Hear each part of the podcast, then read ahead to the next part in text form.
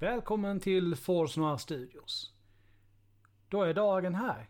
Det är äntligen dags för den historia som jag pratat om i ungefär ett års tid nu.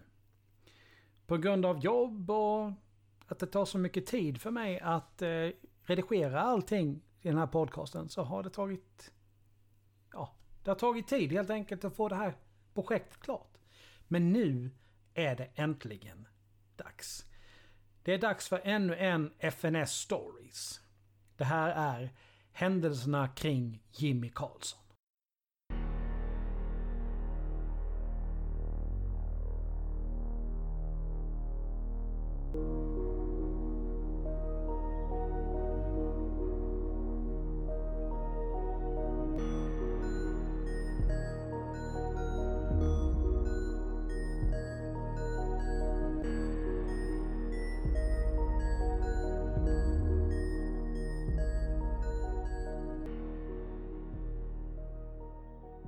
Händelserna kring Jimmy Karlsson av Alexander Tisell Förord. Det är ett par saker jag vill nämna innan du börjar lyssna. För det första så var det här ett försök att skriva något i samma stil som min absoluta favoritförfattare Howard Phillips Lovecraft. Huruvida jag lyckas med detta eller inte är något som jag lämnar till er som lyssnar att bedöma. Idén till alltihop föddes faktiskt genom en klasskamrat, Therese Arnström, när jag läste upp mina betyg på Blekinge folkhögskola. Vi skulle göra svenskarbete och Therese frågade om man kunde skriva något själv som ett arbete. Och därigenom föddes idén. Jag hade redan bestämt att jag skulle göra mitt arbete om Lovecraft. Jag hade vid det här laget redan läst en del av Lovecrafts historier och blivit totalt uppslukad av dem. Så nu bestämde jag mig för att skriva något i samma stil som hans historia. Men hur kopplar man ihop det med själva arbetet? Det var svårigheten med det hela. Historien genomgick många olika faser under arbetets gång. Jag började skriva det hela som en dagbok men kom efter ett tag på att det kommer sakna den mystik som jag ville få in.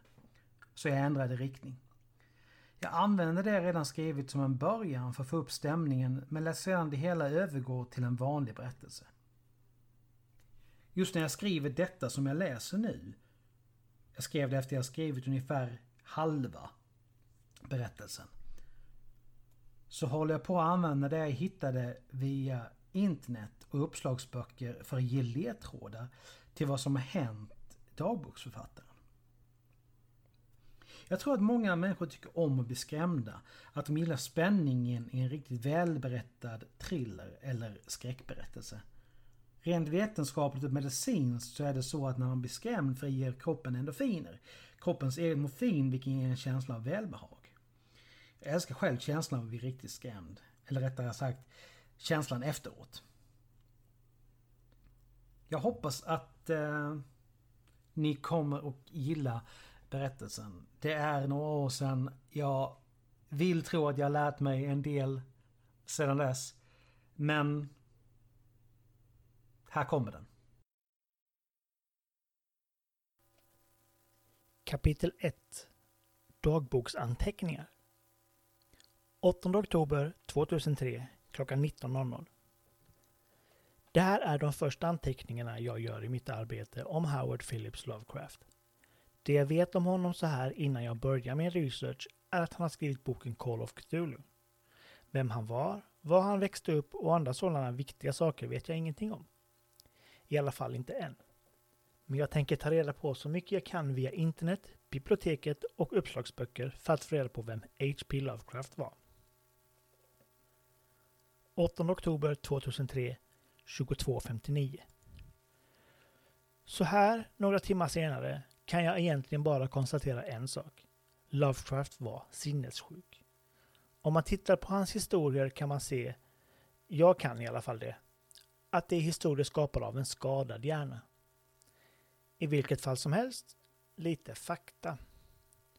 Howard Phillips Lovecraft föddes 20 augusti 1890 på Angle Street i Providence som ligger på Rhode Island. Han dog 15 mars 1937, 47 år gammal, utan att ha fått en enda bok publicerad. Han dog på grund av cancer i tarmarna. Han försökte under de sista åren av sitt liv att fortsätta arbeta men tvingades att lägga in sig själv på Jane Brown Memorial Hospital den 10 mars 1937. Han dog fem dagar senare. Han begravdes 18 mars i familjegraven på Swan Point Cemetery. Något som slår mig när jag läst lite om hans liv är hur pass före sin tid han var. Han skrev vad som kallas för weird fiction, vad jag tror idag vi skulle kalla dark fantasy. I hans berättelser existerar människan i ett universum som är fientligt inställt till henne, i bästa fall likgiltigt inför hennes existens. Ibland rämnar illusionen och vissa människor får förmågan att se bortom illusionen och det är om dessa händelser Lovecrafts historier handlar. Han beskriver på ett sådant sätt att man verkligen kan se det hela framför sig med sådan detaljrikedom att man inte kan låta bli att ställa sig frågan Har han upplevt det? 10 oktober 2003 klockan 19.18 Jag har börjat läsa i boken Cthulhus arv. Ju mer jag läser, desto mer verkligt känns historierna. Det är något konstigt som händer i lägenheten. Dörrar som jag stängt är plötsligt öppna. Det lyser på ställen där jag har släckt. Vad är det som pågår? Konstiga ljud hörs utifrån trappuppgången utan att det finns någon där. Jag är antagligen påverkad av det jag läst. Jag kan i alla fall inte komma på någon annan orsak. 13 oktober 2003 klockan 20.04. Jag förstår inte vad som händer. Elektriciteten i min lägenhet kommer och går på ett väldigt lustigt sätt. Jag ser skuggor i skogen när jag passerar igenom den. Håller jag på att förlora förståndet? 15 oktober 2003 klockan 22.19. Något väldigt konstigt hände när jag passerade genom skogen på väg hem igår. Konstiga ljud, stönanden. Ett ljud som om något stort rörde sig genom skogen. Jag har lånat en digitalkamera så jag började ta bilder rakt ut i mörkret. Och jag trodde inte mina ögon när jag tittade på bilderna. På två av dem syns det tydligt två par lysande ögon i mörkret precis utanför blixtens ljusradie. Vad fan är det som händer? 18 oktober 2003 klockan 00.17. Ju mer jag läser av Lovecrafts noveller desto konstigare saker händer. Vissa saker är sådant som Lovecraft skrivit. Eller rättare sagt så händer saker Lovecraft skrivit om mig. Andra saker är bara konstiga och skrämmande. Igår vid niotiden såg en skugga utanför mitt fönster. Hur fan är det möjligt? Jag bor ju för fan på sjunde våningen. Det är inte möjligt. Det kan inte ha varit något utanför mitt fönster. Men jag vet vad jag såg. Vad fan är det som hände med mig? 2 november 2003 klockan 01.58. Jag har bestämt mig för vad jag måste göra. Jag måste bege mig till USA för att undersöka om något av det jag tror är sant är sant. Jag vet inte längre vad som är verkligt och vad som inte är verkligt. Linjen mellan min värld och någon annans surrealistisk värld har suddats ut och smält samman med varandra till oigenkännlighet. Eller är det så här det alltid har varit? Skillnaden är den att jag ser nu bortom illusionen och ser verkligheten och universum som de egentligen är. Om jag kommer hem så kommer jag skriva ner det jag hittat. Må Gud vaka över mig och min odödliga själ.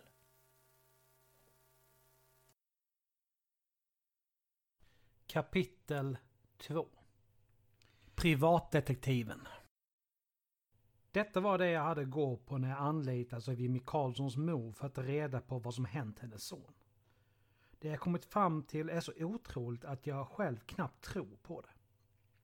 Jag hoppas att den eller de som läst detta inte gör mitt misstag utan låter bli att undersöka dessa händelser jag nu kommer att berätta om. Allt började morgonen den 23 januari 2004 då jag ringdes upp av Elisabeth Karlsson. Hon var väldigt upprörd men ville inte förklara över telefon vad det var jag skulle undersöka. Efter mycket om och men lyckades jag till slut få ett möte på mitt kontor med henne senare samma dag. Jag funderade inte mer över det hela utan begav mig ner till puben för min vanliga frukost. Två glas whisky och tre mackor med leverpastej. Tre timmar senare satt jag bakom skrivbordet på mitt kontor och väntade på fru Karlsson.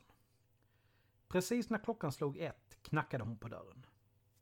Jag ropade mitt vanliga ”Stig in!” och rättade till hatten. Jag går oftast omkring i trenchcoat och en hatt för de flesta brukar förvänta sig det när de söker upp en privatdetektiv. Mina vänner säger att jag liknar Humphrey Bogart i den utstyrseln. Men jag brukar säga att jag bara ger folk vad de vill ha. För de flesta tänker på Bogart när de tänker privatdetektiv. Jag gjorde i alla fall det. Tills jag blev en själv. Men jag avviker från ämnet. Fru Karlsson var en storvuxen kvinna. Runt 50 år gammal med hår som en gång varit blont men som nu skiftade i silvergrått. En hy som skvallrade om för lite sol och ett par ögon som såg ut att ha drabbats av det tidiga stadiet av grå starr. Hon såg på mig med sorgsna ögon och det syntes tydligt att hon gråtit. Polisen kan inte hitta några spår efter min son, herr Svensson, snyftade hon. Jag vill anlita er för att se vad ni kan få fram. Polisen sa att de inte tyckte om er men att ni brukar få resultat. Jag sa något om att det var nog så sant. Jag förklarade för henne att mitt arvode ligger på 1500 kronor om dagen och hon förklarade för mig att pengar inte var några problem. Efter de vanliga frågorna jag brukar ställa har jag så några ekonomiska problem eller problem med alkohol eller narkotika? Lyckas jag få tillstånd och en nyckel att söka igenom hennes sons lägenhet efter bevis och ledtrådar? Det jag kunde fastställa efter mitt samtal med fru Karlsson var följande. Hennes son arbetade innan sitt försvinnande som advokat och hade en årsinkomst på runt en miljon kronor. Han hade inte problem med alkohol eller narkotika så vitt hon kände till och han var den typ av man som levde efter ett strikt schema. Med andra ord var det antagligen något väldigt konstigt eller rejält viktigt som hade gjort att han antingen gett sig av utan att meddela någon. Eller så var han död. Det var i alla fall vad jag trodde. Föga anade jag hur pass rätt och ändå fel jag hade. Kapitel 3 Om Lovecraft Dagen efter tog jag mig till Jimmy Carlsons lägenhet. Hans mor hade tagit det på sig att betala hyran så att lägenheten skulle förbli orörd i hopp om att polisen, eller jag, skulle hitta något av betydelse om vi bara tittade tillräckligt noga. Eller något i den stilen.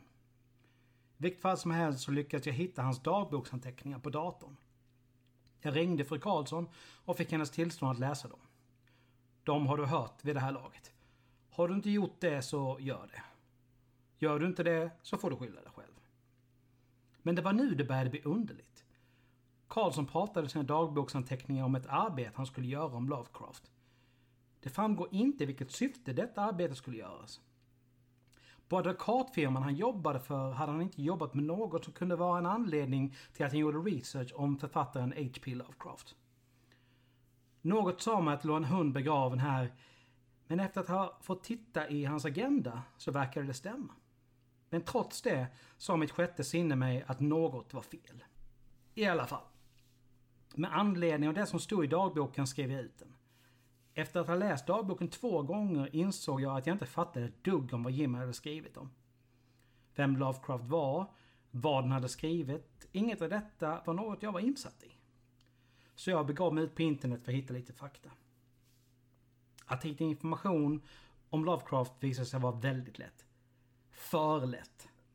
Det svåra med det hela var att välja ut det som var nödvändigt att veta. Jag är rätt dålig på det så det slutade med att jag printade 36 sidor. Och då var det ändå inte allt. Howard Phillips Lovecraft föddes 20 augusti 1890 i Providence, USA. Hans mor hette Sarah Susan Phillips Lovecraft och hans far Winfield Scott Lovecraft. När Lovecraft var tre år gammal fick hans far ett nervöst sammanbrott vid ett besök i Chicago och lades in på Butler Hospital som tydligen ligger i Providence. Texten jag hämtat min information från är otydlig på den punkten. Hans far vårdades fem år på Butler Hospital innan han dog 19 juli 1898. I och med att fadern dött så fick modern uppfostra Lovecraft tillsammans med två fastrar eller mostrar och farfadern, eller morfadern, den prominenta industrialisten Whipple Van Buren Phillips. Lovecraft var ett ovanligt begåvat barn. Han reciterade poesi vid två års ålder, kunde läsa vid tre och hade lärt sig skriva vid en ålder av sex eller sju. Han var särskilt förtjust i Arabian Nights, vilket han läste vid fem års ålder och det var vid den här tiden han kom på pseudonymen Abdul al-Hazred. Det var under den pseudonym han senare skrev den mystiska Necronomicon. Hans förtjusning över Arabian Nights gick snabbt över och ersattes av ett intresse för grekisk mytologi och han fastnade för böcker som Iliaden. Vid den här tiden hade Lovecraft redan upptäckt så kallad weird fiction. Hans första novell, The Noble Eavesdropper, kan ha skrivits så tidigt som 1896. Hans intresse för det konstiga kom från hans farfar som berättade konstiga, gotiska historier för honom. Lovecrafts historier publicerades aldrig, inte under hans livstid. Exakt när alla dessa noveller blev publicerade vet jag dock inte, men det verkar som det var någon gång i början av 1900-talet som de blev tillgängliga för allmänheten. Exakt vad som fått Jimmy Carlson att fastna för dessa bisarra berättelser vet jag inte. Vid närmare eftertanke så vet jag inte om de är bisarra, det är bara något jag hört. Jag tror att det är dags att jag läser en av dessa berättelser. Kanske rent av en hel bok. Efter att ha läst Det sällsamma gamla huset i dimman började jag förstå vad Jimmy Carlson ser eller såg i Lovecrafts berättelser. Det är mystiskt, konstigt och spännande. Och det till trots att det inte egentligen händer så mycket. Lovecraft hade ett sätt att skriva på som fångar en, får en att fortsätta läsa trots att nackhåren reser sig och man bara vill lägga ifrån sig boken. Det jag måste göra nu är att börja söka efter Karlsson själv. En människa kan ju inte bara försvinna spårlöst. Eller? Det måste ju finnas resehandlingar när man rest någonstans. Jag tror inte jag kommer så långt på egen hand. Jag behöver hjälp. Jag hoppas att min gamla vän inom polisen, Marcus Ståhl, kan ge mig något som kan vara av, av värde. För det enda jag kan göra just nu är att undersöka mer om Lovecraft för att på så sätt få reda på vilket som är det troligaste stället Jimmy Carlson rest till. Just nu har jag bara en plats jag vet om och det är Kingsport. Kingsport är den stad där det sällsamma gamla huset i dimman utspelar sig. De internetsidor jag skrivit visar sig vara mer konkreta och värdefulla än vad jag väntat mig. I dessa sidor fanns en ganska uttömmande livshistoria om Lovecraft, tillika en del om städerna där hans berättelse utspelar sig och ett bestiarium där hans varelser finns beskrivna. Dessa sidor måste jag studera noggrannare för mer detaljer om Lovecraft och hans skapelser.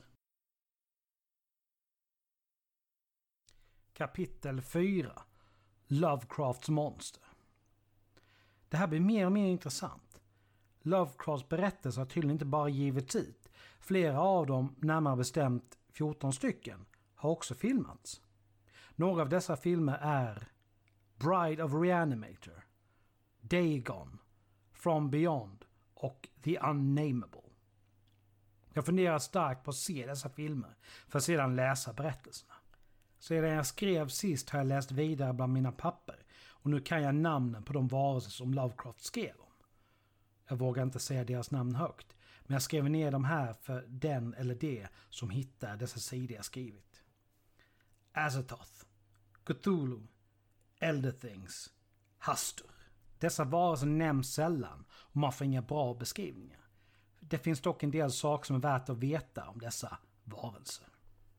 Azathoth denna demonsultan vars namn aldrig sägs högt existerar på en plats mellan tid och rum. De gånger som Azathoth nämns hörs alltid en monoton, hög flöjtton. Azathoth nämns i The Dream Quest of Unknown Kadath, The Whisperer in Darkness och The Dreams in the Witch House. Cthulhu. Det här är väl den av Lovecrafts varelser mest känd. Kanske mest tack vare det rollspel som släpptes av Chaosium Inc. Namnet ska, enligt vissa, uttalas Cthulhu. Enligt ett av de brev som Lovecraft skrev är det dock så här. Själva ljudet, så som mänskliga stämband kan imitera det eller mänskliga bokstäver skriva det, blir det ungefär kluvlo, där det första uttalas gutturalt och väldigt tjockt. Cthulhu har ett utseende som om man korsat en drake, en människa och en bläckfisk. Formen är humanoid med fjäll över hela kroppen.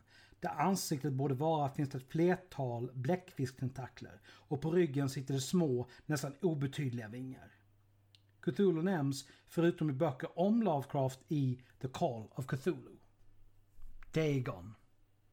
Ett monster med fjälliga armar och enormt huvud ur vars mun det kom specifika avvägda ljud. Dagon nämns i Dagon och The Shadow over Innsmouth. Degen är också omnämnd i Bibeln, närmare bestämt i Domarboken 1623, Samuel 5, 2-7 och krönikeböckerna 10-10. Elder Things. Viktig upptäckt. Orendorf Watkins, arbetandes under jord klockan 09.45 med lykta, hittade ett monstruöst fossil med formen hos en tunna som var av helt okänd natur, antagligen av marint ursprung. Elder Things nämns i At the Mountains of Madness. För den som är intresserad finns det en flera sidor lång beskrivning längre fram i boken. Hastur. Jag fann att jag stirrade på namn och termer som jag hade hört på andra ställen. Yugoth, Great Cthulhu, Thathogoa, Yog-Sothoth, Riley, Nyarlathotep, Azathoth, Hastur, Jan, Leng, The Lake of Hali, Bethemora, The Yellow Sign, Ilmur Cathulos, Bran och Magnum inon minandum. Och jag drogs bakåt genom namnlös tid och obegripliga dimensioner. Till gamla världar där gamla entiteter som den galne författaren av Necronomicon bara var kunde gissa sig till. Hastur nämns i The Whisper in Darkness och det är på det enda ställe som Lovecraft nämner Hastur. Lovecraft lånade tydligen termen Hastur från Robert W. Chambers som i sin tur hade lånat det av Ambrose Bierce. I Bierce Hita the Shepherd nämns Hastur som the God of Shepherds, det vill säga den som vakar över hedarna. Kapitel 5 Kalla kårar När jag läser dessa rader löper kalla kårar längs ryggraden på mig. Det är något bekant med namnen. Något jag inte kan förklara, men jag känner instinktivt igen dem. Vad är det jag ramlat över här egentligen? Alla dessa konstiga händelser som Jimmy Karlsson skrev om i sin dagbok. Det har börjat hända mig också. Lampor är tända i rum jag vet att jag släckt dem i. Dörrar som jag stängt står öppna. Jag ser skuggigt tak när jag ska sova. Viskande röster från väggarna. Ibland tycker jag mig höra den avlägsna tonerna av en flöjt. Vad är det som händer? Migo, the fungi from Yogoth. De var rosafärgade saker omkring fem fot långa med kräftdjursliknande kroppar med fenor eller membranvingar. Ett flertal lemmar och med en sorts spiralformad ellips täckt med ett flertal små antenner där huvudet normalt sett skulle suttit. Migo nämns i The Whisperer in Darkness. Idag fick jag ett samtal från min vän inom polisen, Marcus Ståhl. Det visar sig att precis som jag trott har Karlsson bokat biljett för att åka till USA. Närmare bestämt Kingsport. Vad han har för avsikt att göra i Kingsport är oklart. Men säkerligen har det något att göra med hans fascination för Lovecraft. När jag pratade med Mark på telefon så hördes plötsligt panflöjtsmusiken igen. Den flöt fram genom luften som en smekning och fick varenda hår på hela kroppen på mig att resa sig på ända. Något konstigt händer. Jag känner mig inte trygg i mitt eget hem och jag plågas av mardrömmar av en stor tentakelprydd gestalt som jagar mig genom en kloak. Jag kanske borde lägga ner undersökningen. Någonting med den verkar påverka min mentala hälsa. Kapitel 6 Mystiken tätnar. Jag har fått upp ett spår. En kvinna på flygplatsen kände igen Karlsson från det foto jag fått av hans mor. Han hade stigit ombord på planet som skulle till Paris för att där sedan flyga vidare till USA. Anledningen till att de kommit ihåg honom var att han hade sett närmast sjuklig ut. Blek hy och stora påsar under ögonen. Han skulle, enligt honom själv, åka till USA för att undersöka saker om en viss Lovecraft. Mannen han sökte information om var tydligen författare. Efter lite hjälp från Marcus har jag nu fått ett visum och ämnar bege mig till USA för att se if jag kan hitta Karlsson. Efter att ha konsulterat en kartbok upptäckte jag att jag inte kunde hitta Kingsport på kartan. Ytterst konstigt. Jag bestämde mig för att undersöka saken på internet. Tydligen så ligger Kingsport norr om Atlanta ungefär vid Salem. Vad Carson tror sig kunna hitta i den lilla stan är oklart. Fast å andra sidan, hur stor är stan? Det var dags att konsultera internet igen. När jag satt och surfade på nätet så slog det mig plötsligt. Lovecrafts berättelse Det sällsamma huset i dimman utspelar ju sig i Kingsport. I alla fall, Kingsport har 44 905 invånare. Med andra ord är stan inte så pass liten som jag trodde. Men nu vet jag åtminstone vad Karlsson, antagligen, skulle till Kingsport att göra. Kapitel 7 Till Kingsport Resan till Kingsport gick utan problem.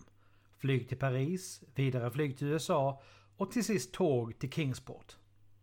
Väl där checkade jag in på ett hotell och sen sov jag ett antal timmar. Jag hatar jetlag. Vaknade, ställde om klockan och begav mig ut för att undersöka om någon kände igen Jimmy Karlsson. Jag hade tur. Det visade sig att Karlsson hade bott på samma hotell som jag nu bodde på. Det verkade också som han hade visat intresse av att köpa sig en bostad någonstans i stan. Portieren tipsade mig om mäklare som kan veta mer om det hela. Det är något konstigt med den här stan. Alltid som vanligt, folk är vänliga mot varandra, alla hälsar på mig, alla är vänliga och svarar glatt på alla frågor som jag ställer. På något sätt verkar det hela vara lite för perfekt. Mäklaren kom tydligt ihåg Karlsson. När jag frågade om Karlsson hade köpt något hem till sig blev genast mäklaren tyst och nervös och ville inte svara på fler frågor. Han ursäktade sig, tog mig i hand och sa att han skulle gå på lunch. När han skakade min hand gav han mig en lapp och nickade menande åt mig. Ute på gatan vecklade jag upp lappen och läste. Ert hotellrum klockan åtta ikväll, stod det på lappen. Vad var det som pågick? Varför detta hemlighetsmakeri? En varningsklocka ringde i mitt bakhuvud, men min nyfikenhet var väckt, så jag ignorerade den. Kapitel 8 Mötet Efter att ätit middag gick jag tillbaka till mitt rum och kopplade upp mig på internet för att få fram kartor över Kingsport. Efter en liten stunds letade hittade jag en riktigt bra sida där man kunde zooma in på staden. Så nu har jag ett par riktigt bra bilder över hur staden ser ut, var i USA den ligger och mer därtill. Klockan åtta knackade det på dörren. Jag öppnade och där stod mäklaren. Jag bad honom stiga på och efter att han misstänksamt tittat sig över axeln steg han in. Jag drog fram en stol åt honom. Han satte sig och fiskade fram ett kuvert ur innerfickan. Efter några sekunders tveksamhet räckte han mig kuvertet. Han sa att han inte ville att jag tog kontakt med honom igen och lämnade sedan i största hast mitt rum. I kuvertet fanns en lapp med en adress och det stod att det var en herrgård, inget mer. Efter att ha konsulterat kartan fann jag att det var en adress till en herrgård som ligger utanför stan. Var det den som Karlsson hade köpt? Varför allt detta hemlighetsmakeri? Jag bestämde mig för att ta en bild av hotellet jag bodde på. Det var en stor gammaldags byggnad gjord i rött tegel som påminner om en gammal herrgård. Men den bilden tog också min film slut, så jag gjorde en mental notering om att köpa en ny. Men det hade jag inte tid för nu. Jag kallade till mig en taxi som körde mig till den aktuella adressen. Knappt hade jag betalat och stigit ur förrän han snabbt körde iväg som om alla helvetets demoner jagade honom. Märkligt. Nu förbannade jag mig själv för att jag inte köpt ny film till kameran. Mäklaren hade inte överdrivit när han skrivit att det var en herrgård. Jag tog fram block och penna och skissade av byggnaden. Framsidan dominerades av en enorm trappa som ledde upp till ingången. Att det fanns en källare var tydligt och det fanns fönster som precis stack upp ovanför byggnadens grund. Över hela husets vita tagelfasad växte enorma klängväxter som började vid husets grund och slingade sig ända upp på taket. Otroligt. I alla fall, efter att ha stått och skissat i en dryg halvtimme tog jag mod till mig och gick mot byggnaden. Och så stannade jag. En varningsklocka ringde svagt i mitt bakhuvud. Rasslet av fötter i gruset hördes runt omkring mig överallt. Men jag kunde inte se källan till ljuden. Jag gick försiktigt vidare och nu hördes bara rasslet av mina egna steg mot den grusade gången. Varningsklockan ringde ordentligt nu och jag styrde med långsamma försiktiga steg min kurs mot trappan. Efter att ha smugit upp för trappan kom jag fram till en stor dörr, eller snarare port. Jag tog tag i dörrklaffen som såg ut som en demon med en ring i käften och knackade. Efter några sekunders tystnad gled porten upp med en ljudlig knarrning. Det var ingen där. Jag tog ett steg fram och tittade in. Hallen var mörk och tom. Jag steg in. Kapitel 9 Herrgården Hallå? Min röst ekade mellan väggarna. Med en ljudlig smäll gick porten igen bakom mig. Ljudet kom så plötsligt att jag hoppade högt och jag snurrade snabbt runt. Jag kände på dörren. Den var låst. Jag vände mig om igen och tog några tveksamma steg in. Men ens flammade en fackla till liv. Jag såg åt det hållet. Det fanns ingen där som kunde ha tänt den. Ljuset från facklan lyste upp den stora hallen så pass att jag nu kunde se. Till vänster fanns en trappa som ledde uppåt och en liten bit framför mig delade hallen på sig åt vänster och åt höger. Jag tog några försiktiga steg framåt och ytterligare en fackla tändes. Kalla kårar kröp längs ryggraden på mig och jag kände svetten rinna ner för pannan. Jag fortsatte inåt.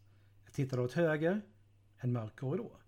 Jag tittade åt vänster och genast tändes en hel rad facklor, en efter en, som för att visa mig vägen. Svalde hårt och började gå ner för korridoren. Längs väggarna satt porträtt av herrar i fina ålderdomliga kläder och de verkade alla stirra på mig. Som om de verkligen såg mig. Jag fick för mig att deras blickar följde mig när jag gick längs korridoren och jag rös i hela kroppen. Längs hela korridoren fanns också en mängd trädörrar som alla var låsta. Framför mig vek korridoren av till vänster. När jag kom fram till den punkt där korridoren vek av tändes ytterligare en rad facklor en efter en och avslöjade en gammal spiraltrappa av sten som ledde neråt. Med hjärtat i halsgropen började jag gå ner för trapporna. Efter att ha följt trappan neråt kom jag till en stor massiv träport. När jag smugit ett par steg närmare upptäckte jag att den stod lite på glänt. Jag svalde hårt, torkade svetten ur pannan och kikade genom springan.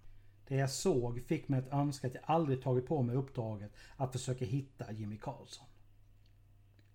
Rummet jag såg in i var runt och facklor var tända längs väggarna. Mitt i rummet stod ett kärl där det brann en stor grönaktig låga. Runt om kärlet som var ungefär en meter högt och utformat som en stor bägare stod ett tiotal dvärglika gestalter i bruna munkåpor.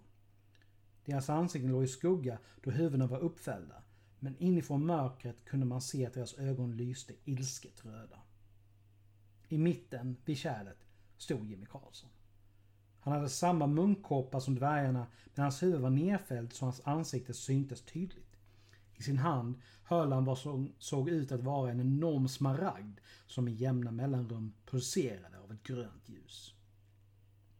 Nu var jag riktigt skrämd. Det låg en stämning över rummet som hade kunnat få den modigaste man att darra. Torkade svetten ur ögonen och försökte kontrollera min andning som hade blivit ansträngd och skakig. Nu materialiserades en gestalt ur tomma intet i rummet. Det var en enorm bäst med bläckfiskliknande kropp och ett virvar av tentakler fanns där det både funnits ett tryne eller ansikte. Karlsson höjde stenen och odjuret drog sig sakta bakåt. Dvärgarna stämde upp i något som verkade vara en lovsång. Häll dig, O Cthulhu, du gud av gudar, häll dig, O Cthulhu, du som kommer för att förinta världen. Min armhämtning hade av åsyn av monstret och dvärgarnas lovsång stigit till ett hyperventilerande flämtande. Mina ben vek sig och jag ramlade baklänges. Dunsen när jag landade fick lovsången att genast tystna. Från andra sidan dörren hörde jag först ett hasande, sedan ljudet av fötter som sprang. Jag greps av panik och flydde för mitt liv. Flydde upp för trapporna med det hasande ljudet och ljudet av mina förföljares steg efter mig. Någonstans på väg upp för trapporna skar jag mig på något och blodet började sakta sippra i min högra hand. Men det brydde jag mig inte om. Jag fortsatte springa. På något sätt hittade jag ut och jag sprang tills jag svimmade. Kapitel 10 Uppvaknandet Hur lång tid som gått när jag vaknade vet jag inte. Jag låg i min säng på hotellet, fortfarande svettig och bredvid mig på en pall satt en sjuksyster. Hon förklarade för mig att jag hade feber och att jag snart skulle bli bra igen. När jag frågade vem som hittat mig svarade hon att det var hotelldirektören som hade hittat mig. Han hade genast ringt sjukhuset och de hade sänt dit henne. När jag frågade var de hittat mig tittade de konstigt på mig och svarade att hotelldirektören hade hittat mig här på golvet. Hon la en kall kompress på min panna och sa att hon skulle hämta hotelldirektören. Jag sjönk tillbaka med kuddarna och såg upp i taket. Hur hade jag kommit tillbaka till hotellet? Hotellets ägare dök upp efter ett par minuter och förklarade att mina grannar, ett gift par, hade ringt ner till receptionen och klagat på att jag fört ett sådant oväsen. När han kommit upp för att framföra klagomålen hade han hittat mig på golvet, medvetslös och med hög feber. Han hade ringt till sjukhuset och de hade skickat hit en sköterska. Allt gick runt i huvudet på mig. Hade jag drömt alltihop? Jag tackade honom och sa att jag skulle sova. Han nickade allvarligt och gick mot dörren. Jag lade min högra hand mot pannan och kände hur det sved till. Jag lyfte handen och fick syn på det sår som såg ut att vara minst en dag gammalt. Synen fick blodet isas i mina ådror. Det var ju i högerhanden jag hade skurit mig på väg upp för trappan. Jag såg på hotelldirektören som hade stannat vid dörren. Uppgav adressen och frågade vem som bodde i den herrgård som fanns på adressen. Han såg underligt på mig och förklarade att det inte funnits någon herrgård där sedan 1700-talet. Den herrgård som funnits där brann ner 1765.